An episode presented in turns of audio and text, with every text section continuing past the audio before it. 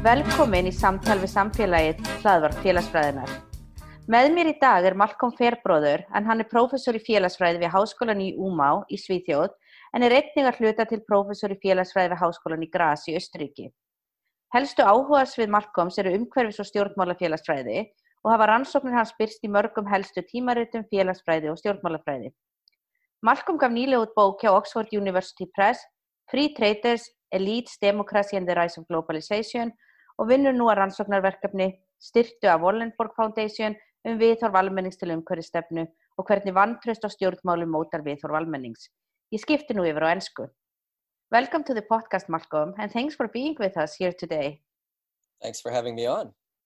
Uh, we often like to get to know a little bit of the background of our guests, and yours is quite interesting, uh, going across a lot of national boundaries. You're originally from Canada, Then you go to uh, graduate school at the University of California in Berkeley, move to Europe, first to England, England and then Sweden, uh, where you're now a professor.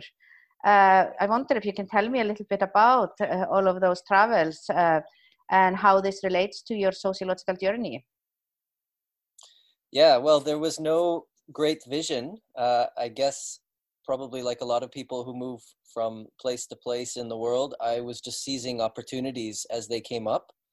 Uh, and each stage of that journey was a new opportunity. And every time I moved somewhere, it seemed like somewhere where I could develop myself somehow, learn something, uh, or take advantage of something that I had learned before and, and put it to use.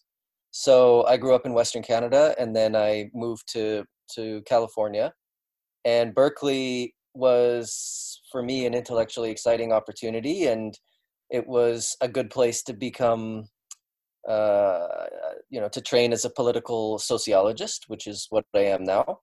And i think berkeley in america has a slightly unique position of being kind of thought of as in the same category as the very big prestigious private universities but it's a public university and people at berkeley take a lot of pride in that. And uh, and so it was it was a cool opportunity for me in that sense and then when i moved to england i got a job at bristol university which uh, has a lot of expertise in statistical methods so i got to learn from some of the world's leading sort of research methodologists in the social sciences and at the same time i worked in a geography department which had many of uh, its faculty in areas like glaciology and climate science. And so I got to hang out with people who were really world experts on environmental topics that I was interested in. But then Sweden opened up as a possibility, and I came here because now what I'm doing research on uh, is very much a focus in Swedish academia, and there's a lot of opportunities for me here. And on top of all of that, I would just say that each of the places I went to, of course, was an interesting place to live. And uh, I should also mention that I also spent about a year in Mexico, and that also mm-hmm. was a wonderful opportunity. And we'll come back to, I assume that was for your field work, uh, so yeah. we'll come back to that. Uh, and it seems like you started to be interested in the environment and climate change long before it became the main issue of the day.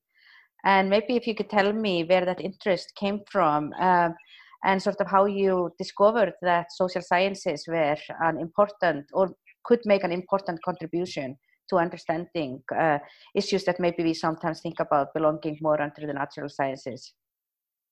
So, uh, the environment was really the first public issue that I became passionate about when I was a teenager, uh, growing up in Western Canada. And I wouldn't say I was a particularly political person at that stage of my life. But in British Columbia, where uh, where I was born and grew up, the debates started in the 1980s and then really got big in the 1990s, particularly about the logging industry mm. and the sustainability of the forest industry there. And British Columbia has huge temperate rainforests. and when essentially white people showed up there there were trees that were you know hundreds of years old i mean huge huge trees and this was obviously a valuable resource and it was from very early days of european settlement uh, it was one of the reasons why europeans wanted to be there. But by the time i came along uh, a lot of those forests were gone and in some cases there were new regrowth forests there. But but this really was uh, i would say a microcosm of a lot of environmental topics. Uh, and when i got interested in that i started to notice other environmental problems and that kind of resonated maybe because i spend a lot of time in nature going camping and hiking and so on. Like you uh, in iceland um, you know western canada has a lot of amazing nature areas which which people take advantage of. Um, so so then i got really passionate about that and i got concerned about these issues and i just had an instinct that along with the very important work of measuring the problems or understanding the problems in terms of i don't know taking samples of water and measuring the amount of damage and looking at the impact on you know the natural world of human activities and at the same time trying to find technological solutions that these were social issues these are social issues, political issues, economic issues. And I didn't really have very good perspective on that, but that was my that was my starting instinct. And it wasn't until I got to university that I realized you really could study environmental topics from a social perspective. And that is actually what led me into the social sciences and sociology.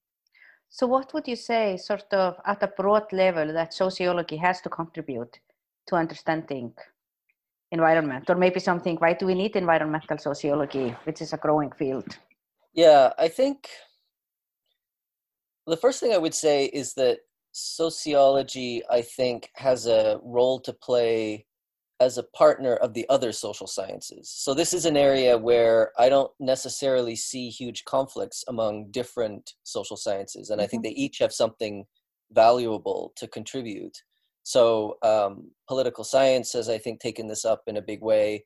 Economics has had something to say about the environment for a long time, um, and and sociology sort of adds a different piece of that puzzle, um, along with other disciplines like to some extent history or anthropology or geography. Um, but sociology specifically, I think, has been very strong in studying public attitudes. So from the very beginning of the field of environmental sociology, one of the main interests of environmental sociologists was trying to understand where people's concerns about the environment came mm-hmm. from and how many people have those concerns and in a sense how does the lesson not scientist but how does an ordinary person uh, perceive these issues do they care and some in some cases, how does a layperson become so motivated that they join the environmental movement? And if you look at the very early days of environmental sociology back in the 1970s, it was the emergence of mass environmental movements that sort of launched the subdiscipline. And sociologists said, wow, there seem to be a lot of people who are really concerned about this. How should we think about that? And let's try to measure some of these kinds of attitudes. Mm-hmm. And we'll come back to this as you have gotten quite involved in international surveys on public attitudes. Uh, but sort of thinking about, and I think uh, you have three sort of strong research areas that all tie very nicely together. And one of them that you started to pursue when you went to graduate school was an interest in globalization.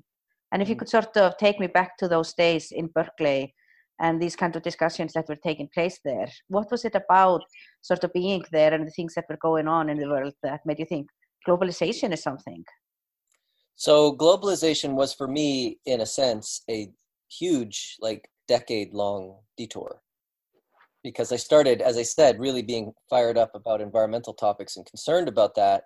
But then I ended up spending the early part of my research career not dismissing the environment or going away from it completely, but de-emphasizing it and looking at the issue of economic globalization and that was because uh, in the 1990s if you think back to things that were going on in the world well the cold war was you know had recently come to an end and it seemed like you know huge changes were going to come about as a consequence countries that had previously been isolated from each other started to build new connections so in eastern europe countries that were previously behind the Iron Curtain started to globalize. In Asia, there were societies that were developing industry in a remarkable way and therefore starting to integrate into the world economy. And at the same time, there were big sort of institutional changes. So the European Union really came into being. The World Trade Organization was born. Uh, some of these sorts of large institutions like the IMF were growing kind of more prominent. And so in the late 90s, there was a real eruption of protests at some of the summits of these kinds of international institutions and an outpouring of, of criticism and opposition. And this was a really big deal at the time. I mean, between about you know maybe 1998 and 2001 for about three years right at the turn of the millennium uh, this was a huge political conversation in academia but also in the world at large. And it seemed like some of the criticism i mean some of the criticisms that were being made of these things were huge and they were more or less saying there are important implications of all of this for politics and society everywhere including the environment actually mm-hmm. and at the same time the the debates about those things were fascinating and so i was watching all of this unfolding around the time i was sort of in the early stages of grad school and uh, i just thought well this is this is really uh, important and at the same time it opens up opportunities for people to debate established ways of doing things in the economy and international relations and so on. And so let's let's investigate that. And so that's why that's why i ended up studying globalization. And that uh, led to your dissertation that led to your recent book if i'm correct? Yes it took a very long time. Uh, well uh, i have things have to do that in academia that project go and then came back to it like mm-hmm. literally years later um, and in a weird way, globalization has not, well, particularly now that coronavirus is, is here, it's not such a focus. But in the last few years, it's kind of come back as a focus. Um, after September 11th in 2001, I would say globalization retreated a little bit as a topic. Other things mm-hmm. obviously mm-hmm. got, got onto the agenda, but it never really went away. And I started studying this political debate that I was just describing. But then I realized actually what I'm also getting at in looking at this is trying to understand where the phenomenon of globalization came from. Yeah. So I started looking at it as a kind of dimension of left right politics. But then I started to see it differently. And I realized there was a really important historical question there, which is why did governments make this happen? Because people often talk about globalization as though it's this force from nature you know comes from outer space and kind of lands on us and we need to adapt to it. You know and there's there's a grain of truth that this is not under anyone's control in a sense but for the most part it is something that we choose to do. Mm-hmm. you know governments choose to create international agreements they choose to change their policies in ways that make globalization happen and so then it becomes a political question well, why did governments not do this before? Because for decades they didn't so much. Mm-hmm. And then suddenly, like in the late 80s, there's a total change of view on the part of people around the world, and governments suddenly decide that globalization is a great thing and they're going to create all these new ways of encouraging it. That's a political question that I ended up taking up in my PhD and is basically the topic of my book. Why did globalization happen? But that was tied up with these in a sense conflicts that were going on around the turn of the millennium about whether globalization is a good thing. How should we think about it? How should we think about sweatshops or the greater interdependency of national economies or the other things that are tied up with economic globalization? So the book ends up sort of getting into some of those topics as well and it's a big question that you were saying, why did globalization happen? So what is the answer? The answer I come up with in the book is that well, let me let me take a step back and just just contextualize this. Mm-hmm. The the to boil it down, there are people who look at globalization and see it as a kind of bottom up manifestation of individual people's aspirations and the search for a better life, essentially. And if you look at globalization that way, you sort of think of it as something that should be popular. The mass of humanity should want it. And there's a body of literature that more or less says when nations become more democratic, they globalize or they tend to globalize. These are always mm-hmm. probabilistic statements, but they, there's a statistical association between democratization in the political realm and globalization in the economic realm. So some people say globalization and democracy go together, and we should look at globalization as this bottom up thing. But then there's a whole other world of people out there, and these two groups of people very seldom even talk to each other. The, the second group of people sort of look at globalization and say, this is not bottom up, this is totally top down. This is about elites in society having a vision of a world they want to create, which, you know, they probably think is going to be good for most people, but for the most part, it suits their own agenda. And they think of globalization as liberating uh, the economy from the shackles of government regulation and allowing countries to, in some sense, insert themselves into the world economy and, and get the benefits from that. And so, what I did is I studied globalization from the perspective of three countries who happened to negotiate a big agreement that tied them together Canada, where I'm from, the US, where I was studying for my PhD, and Mexico. And they created the North American Free Trade Agreement. And what I basically argued in my um, PhD dissertation and a year later, the top down view is far more accurate than the bottom up view. So it's very hard to explain globalization as something that arose from public demand and public opinion. Mm. It's much more clearly something that was an elite agenda. Now, that doesn't necessarily mean it's bad, but it should make you a little bit suspicious. And what I show in the book is how it was that elites in each of these three countries, in a way that I think is similar to other countries around the world, cohered around this strategy and then basically made it happen. And that was a messy process and it differed a little bit. In Mexico, this was very much more something that um, arose from within the government. People within the government had this vision and then basically had to kind of politically massage the rest of society, including business people in Mexico, to make it happen. Whereas in Canada and the US, this was something I don't think politicians cared about so much initially, but business people really wanted it, and then they convinced their politicians to go for it. So, what does it mean when you say it comes from the elites, uh, different kind of elites? Uh, so, in sense, are you saying uh, is it serving more of their interest than necessarily the public's, or I mean, is it so a story think, of sort of an evil capitalism, as we as we sometimes talk about, or I, I think it is, but the great, great irony, and this is something it took me a long time to come to, is that I think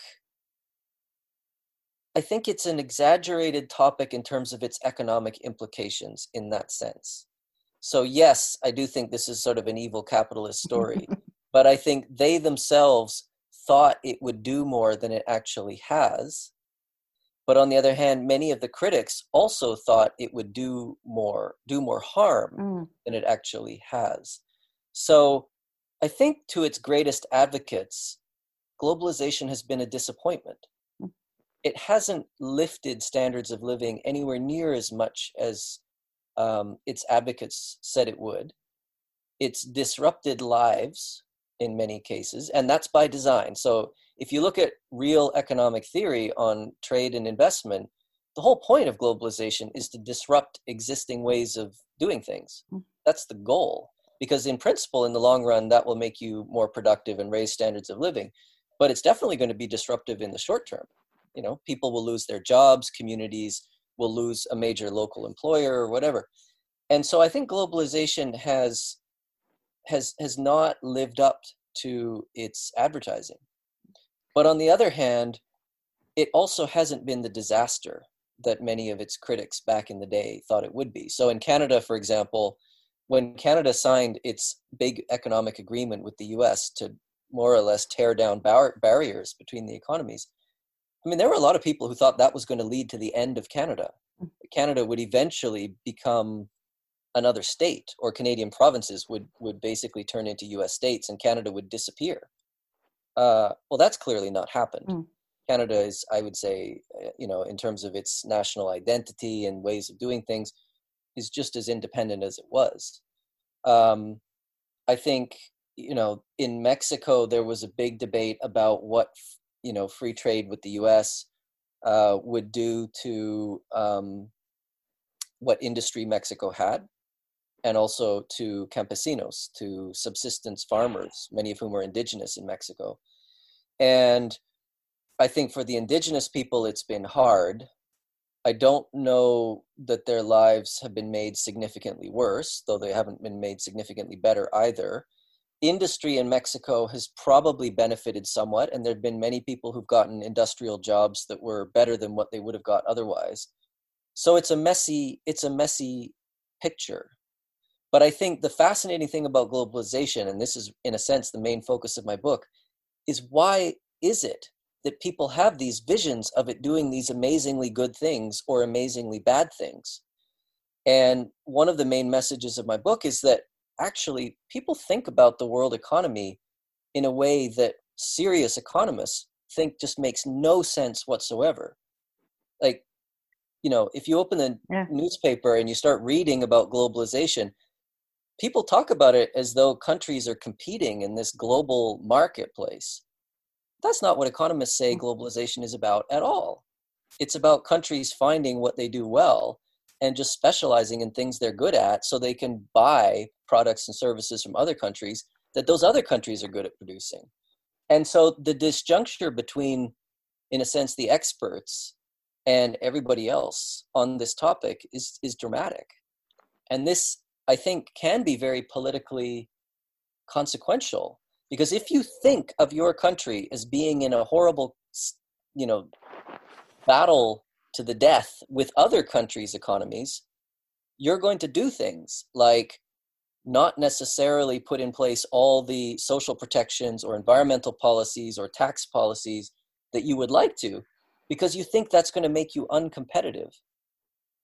That's just totally totally wrong but that's how a lot of people think about it and sort of thinking about the three cases like Canada, the US, and Mexico, which obviously are in a very different position in sort of the world structure, like um, what were the differences in terms of like did you see differences in the concerns between uh, people in the three countries? Yes, yes and no. So this is one of the things I tried to emphasize is there are ways in which different countries, because of their political and economic circumstances, globalize very differently. But there are certain universals as well. So it's neither it's neither a world where everybody is totally unique nor a world where everybody is the same. There are these patterns. And one of the biggest patterns is that in existing developed developed countries, countries with a lot of industry and high incomes, um, for the most part, globalization was a, a project of the private sector. The, the owners and managers of large firms more or less saying, wow, the world economy is an opportunity for us and we're going to go for it. And we're going to mm-hmm. get politicians to put in place policies and institutions that allow us to do that. But in developing countries, it's different. So in developing countries, um, the owners of for, of industry in particular were more afraid of the world economy because that's not what developing countries have historically um, been relatively good at. Mm. Uh, and so, in that case, for a country to open up, usually what it took was a government more or less deciding that they were going to open their economy mm. and then imposing that on their own business people and mm-hmm. finding a way to convince business people to go along with it. Mm-hmm. So that's an example of one of the big differences. Globalization more or less had these two access points, and they're quite different in the developed and developing world. So always the elites, but the business versus the government based on uh, whether it's a developed or developing country. Exactly. Uh, if we switch focus a little bit now and talk about the environment, then that was actually the reason I met you for the first time, uh, because you were serving as an expert on the development of the 2020 ISSP questionnaire that had an environmental module in that year. Uh, maybe if you could tell us a little bit about what the ISSP is uh, and why it's important to look at public attitudes across countries. Yeah, so the International Social Survey Program uh, dates back I think something like 30 years or even a little more, and has, since its origins, gradually incorporated more and more countries and teams of, of researchers from different countries who wanted to compare their country to others. And so we ask all these survey questions of nationally representative samples of people in all these different countries. And then we can see how countries are similar or different to each other on average. And we can look at how uh, things may work differently in different countries, or in fact, work the same in different countries. And the more countries that are participating, the more of that kind of understanding we can come to. Statistically, it gives us uh, an ability to analyze more things. And I think it's at a very basic level, public opinion research is is democratic. I think knowing what lay people believe, value, uh, how they see the world in different societies, I think is is fundamental to modern democratic societies. And so I I I think it's a very valuable thing that we we investigate what people uh, believe about all these different topics, whether it's religion or politics or um, the nation for is uh, you know we rotate these topics around and in any given year we focus on something. And in uh, let me see 1993 2000 2010 and now 2020 the focus of this big international survey has been the environment. And so i got involved with the in the issp because i am an expert on environmental topics environmental public opinion research and I wanted to help shape the evolution of the questions that we ask people. And maybe, and I think it's interesting that we've been asking about the environment since 93. Uh, maybe if you could just tell me a little bit about uh, the kind of questions that we might have been asking in 99, 2000, 2010, and how it has uh, developed, and how it then reflects the environmental concerns at the time, and how those might have been changing. Mm. So so the questions that were used in 1993 were themselves in some cases original but sometimes they were already questions that had been asked for example in surveys of a single country uh, and and then they were going to be sort of rolled out to, to the ISSP which is international. And from the beginning a lot of research on the environment or public opinion about environmental topics and public concern about environmental problems was rooted in a big capital T theory um, of uh, post materialist values. So the idea is that individual human beings have a hierarchy of needs, right? So at the most basic level, we need to either be warm enough or cool enough. Uh, we need to have food. We need to have water. And then once you start to meet those basic needs, then you might sort of have um, higher order needs. You might have a need for socializing with friends. You might have a need for artistic creation or whatever. And the theory was that that this applied to whole societies, and one of the higher order needs, uh, according to this perspective, was for environmental quality. That once you've got your basic needs satisfied, you can start to care about other species, you can start to care about the beauty of nature, and so on. And so a lot of um, the early environmental sociology literature and also literature in political science treated the environment as this kind of luxury good, which sort of made sense in if you look at the environment as something that emerged as a concern in the 70s, in that sort of in the wake of that kind of post World War II economic boom and rising standards of living and so on, like, okay, basically people aren't worried about, you know, bombs falling on their heads or crops failing, they can now start to worry about these other things. But the reality is, it turns out in practice that theory isn't very well supported by the data. Mm. So I've done some research on this, and it doesn't really seem like as societies get richer, people start to take environmental problems more seriously. One of the dramatic empirical findings that came out of survey research on the environment from the beginning is that actually most people are worried about the environment. Mm. And most people have, at some level, a sense that the way we're shaping our world is not sustainable. And so that's something I think that's been very powerful to learn from surveys like the ISSP, and the ISSP has been part of that, but it's not the, the only survey that's done this, um, to see how widespread that concern is. But the thing that I think is super fascinating is that if you ask people in surveys like the ISSP what um, what they think about environmental problems, as I say, they basically accept that the problems are real and they're serious. But if you start to propose solutions and ask people what should be done, it's much less clear what people think. And I believe that's because a lot of people are themselves confused. They're mm. uncertain. They don't know. Well, what are the solutions to environmental problems? Do we need to reduce our standard of living? Do we need to overthrow capitalism?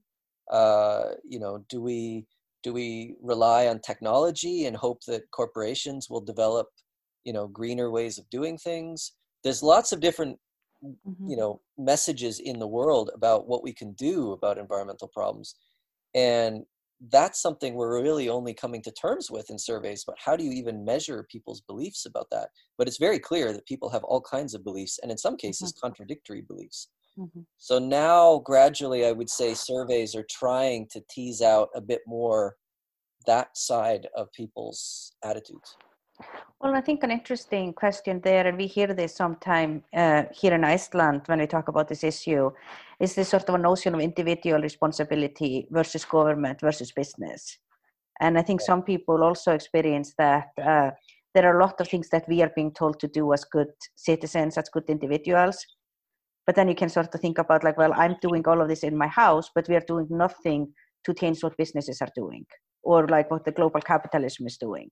Yeah yeah i mean this is this is a huge this is a huge question and it's a fascinating one because different social science disciplines i think are themselves a bit a bit divided not so much in what they believe but in what they emphasize. So the environmental psychology literature for example is very interested in people's private lives and what decisions they make about whether to recycle or take the bus or bicycle or, or these kinds of things um, whereas from the social sciences that have a more macro focus, you tend to look at the environment as, yes, more of a sort of systemic and, and political kind of issue. Now, this is where I will say I am more of a macro scale kind of thinker. And so I look at environmental problems for the most part and say, it doesn't make much difference what individual people do in their private lives voluntarily. What we need are more systemic changes and coincidentally, I would say there's something very powerful that kind of shows that in um, this time of the global pandemic. So around the world, private transportation has just dropped dramatically, right? It's not that nobody's driving their car or that there's zero flights or whatever, but the usage of private transport has fallen off dramatically. And as we know, that's led to all these kinds of environmental improvements in cities and so on. But global greenhouse gas emissions have re- declined, but they've not declined that much. And that's because a huge, huge part of total greenhouse gas emissions are basically people burning coal to produce hmm. electricity. So we're still using electricity in our households. We may be locked down, people may not be uh, doing all their normal things, but we're still producing the vast majority of the usual greenhouse gas emissions. Mm-hmm. So you by yourself, you're never going to change anything in your private life to do anything about that. But if we're going to make human life on Earth sustainable, we have to change that. Mm-hmm. And sort of related to that, and maybe your specific research projects that are within this field, uh, could you maybe tell me sort of what you view as your most important contributions in this area? Yeah, so my research has particularly been about the relationship between environmental attitudes and trust. So, if you um, ask policy experts on environmental topics what they would like to do to make human life more sustainable, they have a lot of good ideas. And it turns out that when governments do those things, they work really well. So we actually have a lot of good ideas of how to solve environmental problems. We just don't do them enough. And we're just sort of exploring how to propose different policies to the general public. But in surveys like the ISSP, one of the things that's historically been done, for example, is we ask people how would you feel about paying higher taxes on polluting products or polluting services uh, in order to discourage environmentally harmful activities? And despite all that concern about environmental problems that I talked about a minute ago, public support for that is very low. Mm. You know, and so there's a huge disjuncture between what the public is concerned about and what the public will support in terms of policies the experts in this area would really like to see. Mm. And it turns out that the big factor that influences people's support, for example, for environmental taxes, is trust, especially political trust. And that makes sense, right? Yeah. If you think your government is hopelessly corrupt and all it does when it takes in tax revenue is waste it or you know corrupt politicians or public administrators manage to steal the money or whatever then of course you don't want to pay taxes. That's totally logical. Mm-hmm. Um, but if you have a lot of confidence in your government, if you believe that public administrators are basically honest, reasonably competent, do the calls, say, oh, okay, well, if I pay more taxes on you know gasoline, uh, then the government's got more money and it can pay for better hospitals, universities, schools, roads, whatever it is you care about you know that's the way the system mm-hmm. is supposed to work so if you if you have that level of trust in the public administration of your country you're going to be much more supportive of some of the policy solutions to environmental problems even if you're not a particularly green person mm-hmm. this is one of the fascinating findings um, uh, from other surveys uh, is that it's not necessarily the greenest people the people who are most freaked out about the environmental problems who are most supportive of the solutions. In some cases, it's just people who basically believe the system will work. And so, trust yeah. and who you trust. Do you trust your fellow citizens? Do you trust the news media? Do you trust scientists? Do you trust uh, corporations, even? Do you trust the government? Those things actually have a huge bearing on what policies and actions you you would like to see governments take. Mm-hmm which is very interesting because I think we often hear, you know, one of those things, well, you know, the public wants all sorts of things, they just don't want to pay for it and they are not willing to do anything about it. But I mean, here you're showing a more complicated question that, like, in essence, it's, you know, if you believe that, you know, you're going to be taken advantage of by the government or it's just going to go to, you know, building a palace or building, like, you know, whatever, you're not going to want to pay. And it has really nothing to do with whether it's for healthcare, environment, uh, education. It's this fundamental trust that matters.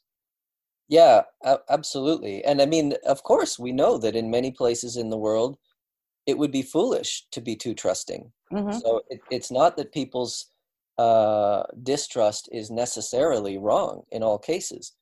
But what we see from surveys is that the level of distrust at least insofar as we can measure it in surveys, is in many cases very low. Mm-hmm. And it seems like that low level of trust is actually holding back the implementation of policies that are urgently needed to save the earth. And so when you know if you think about trust, think about trust like this. You can always in any situation with another person choose to trust them or choose not to trust them. And you might make a mistake either way you might choose to trust somebody who you actually shouldn't trust, and you might choose not to trust someone who you actually should trust. And so if if you can have either of those two types of errors on the whole it seems like in the world today with respect to environmental topics people are making too many errors where they don't trust enough mm. that's the that's the way i see it yeah and who are they not trusting uh the not trusting seem to be people who and again somewhat justifiably feel disregarded by society. Mm-hmm. Now it's it's it's not a hundred percent of a correlation by any means, but it tends to be people with lower incomes, people with less education. Uh, there there tends to be those sorts of democratic uh, uh, demographic divides. But but it's you know you can find plenty of poorer people who who have more trust and so on. It's not it's not a hundred percent of a mm-hmm. relationship. And it depends on the country a little bit how this intersects with politics. So it's very interesting. You might think that political trust is totally, totally correlated with being a left wing person. That's not always the case. Mm. So it's very rare that, you know, people on the extreme right are not generally very trusting. In fact, they're generally the least trusting people. But if you're sort of a moderate conservative, uh, you know, so, somewhat somewhat center center right in many countries you're actually as high trusting as as anybody mm. and so in some countries it's interesting um, you know the environmental policies uh, are not necessarily of, of certain kinds are not necessarily most popular with people sort of on the strong left in some cases it's much more of a centrist kind of support and maybe, and I think we'll come back to trust here in a minute, but I want to move on to a related issue, and you have obviously already brought it up. Uh, but going to the issue that is at least temporarily overshadowing our environmental concern, which is the COVID 19 pandemic. And maybe just starting a little bit personally, you're living in Sweden. Um, and I think many of the world have been looking to Sweden strategies as somewhat different than pursued in many other European countries. Although I do think there are more similarities between Sweden and Iceland than maybe is often portrayed in the media. But maybe if you could just tell me a little bit about what it feels like to be in Sweden at the moment, what it has been like for the past month or two. Um, and kind of a little bit, uh, what is your sense of the strategy that is being pursued? Yeah, so Sweden, um, somewhat idiosyncratically, even compared to other countries it's very similar to, like the other Nordic nations, gives a lot of authority in law to public agencies that are essentially run by experts. So in Sweden, the Public Health Agency has had a lot of control over the coronavirus uh, response. And uh, this in itself has uh, been a little bit controversial. Some people say, you know, these are political decisions, politicians should be making them. But that's not what's happened. Mostly what's happened is the Public Health Agency has said, this is our analysis, therefore, this is what's going to happen. It's and, very similar to Iceland, actually. We have given the okay. same to the public health. Like it's the three, it's our Surgeon General, Doctor of Infectious Diseases, and the police who are running the show. Okay, so there you go. So that maybe that's why the two countries have adopted yeah. similar sorts of strategies, which have been very different, as you know, even okay. Mm. from you know Denmark or Norway and Finland. Um, so the public health agency in Sweden has basically said, "Look, there's a lot we don't know about this. We're not going to take actions that we feel are of unproven benefit."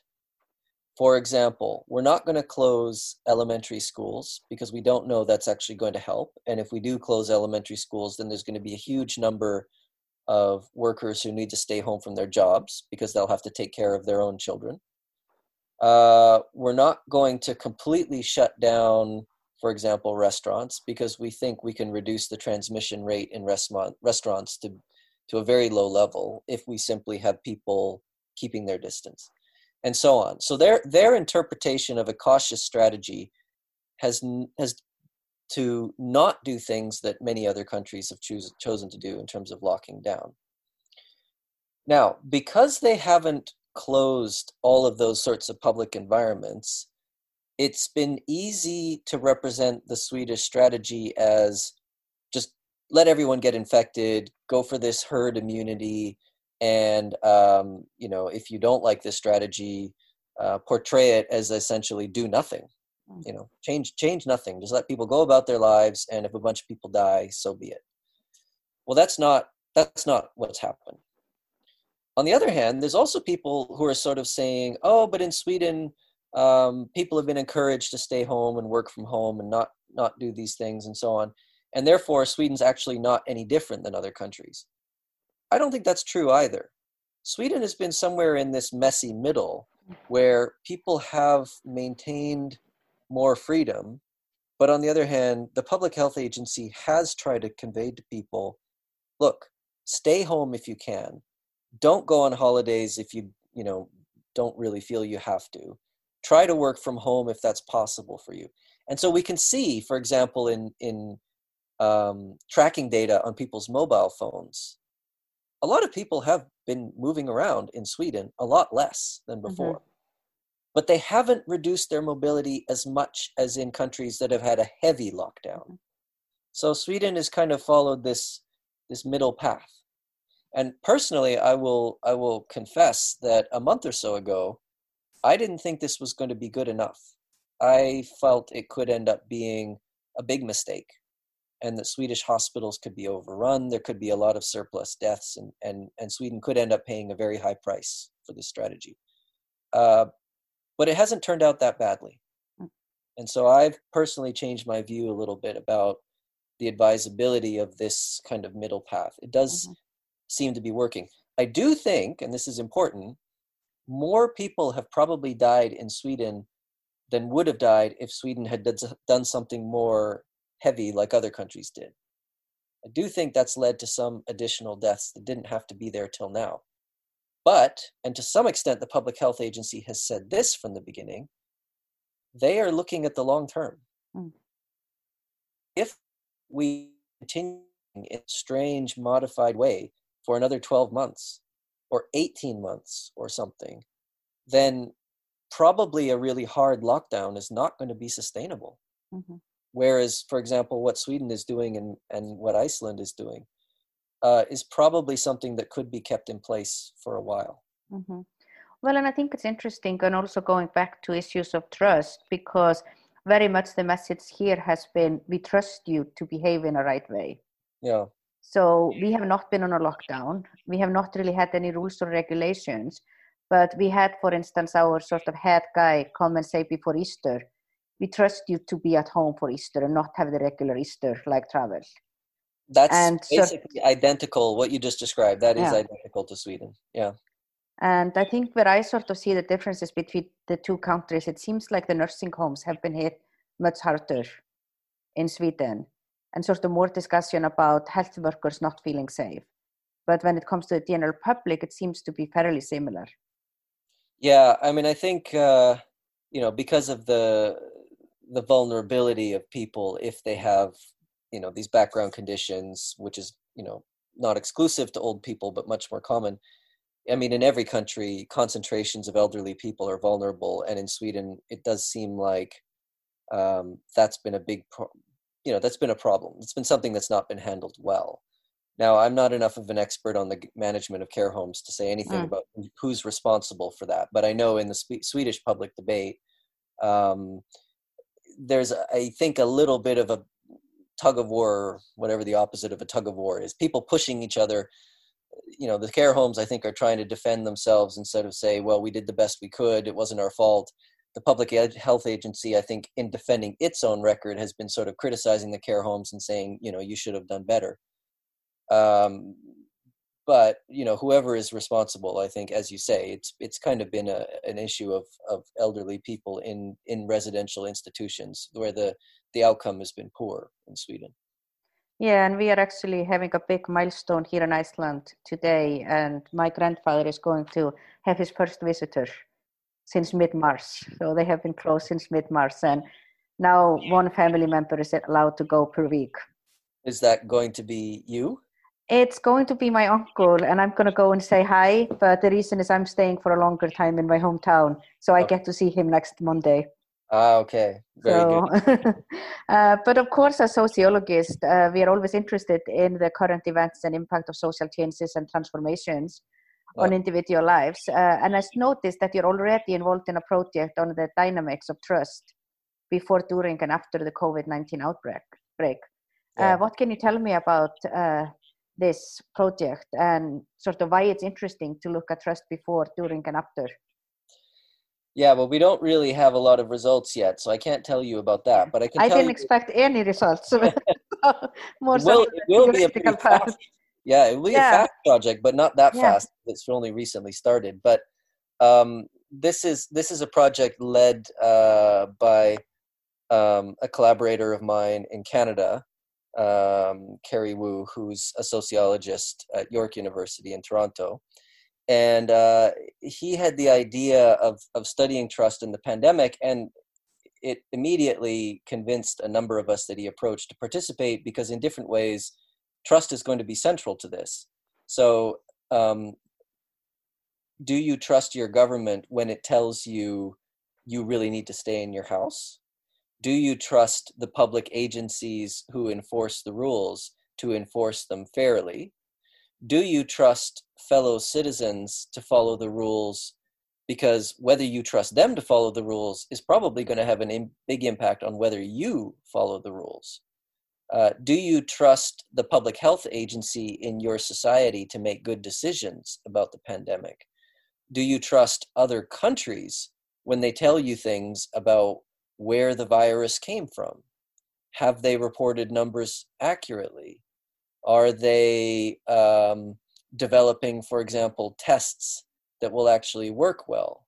Do you trust the tests? I mean, there is trust in pretty much every aspect of the response to the uh, coronavirus pandemic. And we're trying essentially to measure people's views of as many of those things as possible. Um, now, the data the data collection for this project will be in, in Canada and in China. Uh, and it's going to partly also be about the issue of um, other Canadians' trust in Chinese Canadians. Mm-hmm. Because you know the the the virus has now, I think, in a way, globalized. Mm-hmm. People aren't necessarily thinking about it so much as a sort of Chinese import, uh, but to some extent, you know, that's kind of how it started, and there is still this lingering, I think, suspicion there. So all of those different facets of trust, I think, could potentially evolve as the thing goes on. So of course we've all, we've been watching people around the world. I think have been sort of paying attention to these protests that have broken out in some societies against the lockdowns. Uh, and there's been a number of these. They've obviously been pretty prominent in some parts of the United States, but it's not only in the U.S. This has happened elsewhere. It's happened in Canada to some degree. Uh, I mean, this is a huge issue of trust. Do you trust the government to make a fair decision about reducing your freedom for everyone's collective good? Or do you think that they're maybe trying to take advantage of the coronavirus pandemic to impose social controls that they would like to impose anyway? Yeah, no. No, and it's fascinating questions that I think will be with us uh, for years. And we are actually doing and exploring quite a bit of this in Iceland. So that's uh, another interesting conversation to have. But maybe just to conclude, and this is, of course, a question we are all asking us. Uh, none of us knows the answer, but what are your sort of thoughts or feeling for whether our lives and societies will change in fundamental ways because of the COVID 19 outbreak? I'm going to be I'm going to be slightly optimistic here. Yeah. Uh, and like say, that. Uh, and I and like you said, I nobody nobody knows for sure. I will not say I know for sure what's going to happen. Um, but I feel like there's one, you know, small positive outcome that could come out of this, which is, I think at a deep level, the pandemic is showing people how no matter who you are, no matter what your individual life involves, you are so enmeshed in broader forces and societies. Doesn't I mean unless you're a recluse who literally lives somewhere deep in the wilderness, you know you're touched by this Mhm. you're potentially vulnerable depending on what other people do your life in a dramatic way is going to be shaped by decisions that your government makes and in this case the curtailment of freedoms has been dramatic i mean to you know in, to be told in as has happened in some countries democratic countries you essentially can't leave your house except in some extremely limited circumstances. Mhm. what a dramatic thing that is. And what i find fascinating is for the most part people have accepted it. And and i think again if i'm being a little bit optimistic what i would hope is that people recognize the importance of the state at a most basic level coordinating society to deal with major social problems and potentially doing it in a way that works Mhm. uh, in dialogue, hopefully in a constructive and transparent way with relevant experts. Now, I'm not saying this is going to totally transform things, but I do think that that kind of perspective could come out of this. Um, I would like personally to see a little bit more dialing down of uh, hostile rhetoric on different political factions and a recognition that you know even if people disagree and some people may simply be wrong they are trying to figure things out for the betterment of society. And then if that kind of recognition happens then maybe to tie this conversation back big environmental problems like climate change could be easier to solve. Because if people do gain a little bit more political trust a little bit more confidence in the system a little bit more confidence in experts and scientists public health authorities and so on uh, then maybe we can solve some other problems as well and some of which um, are, are really serious ones. Well, I think that's a really good uh, place to end the conversation. Thank you so much for being here with us today and taking the time. thank you very much for your questions And thank you all for listening.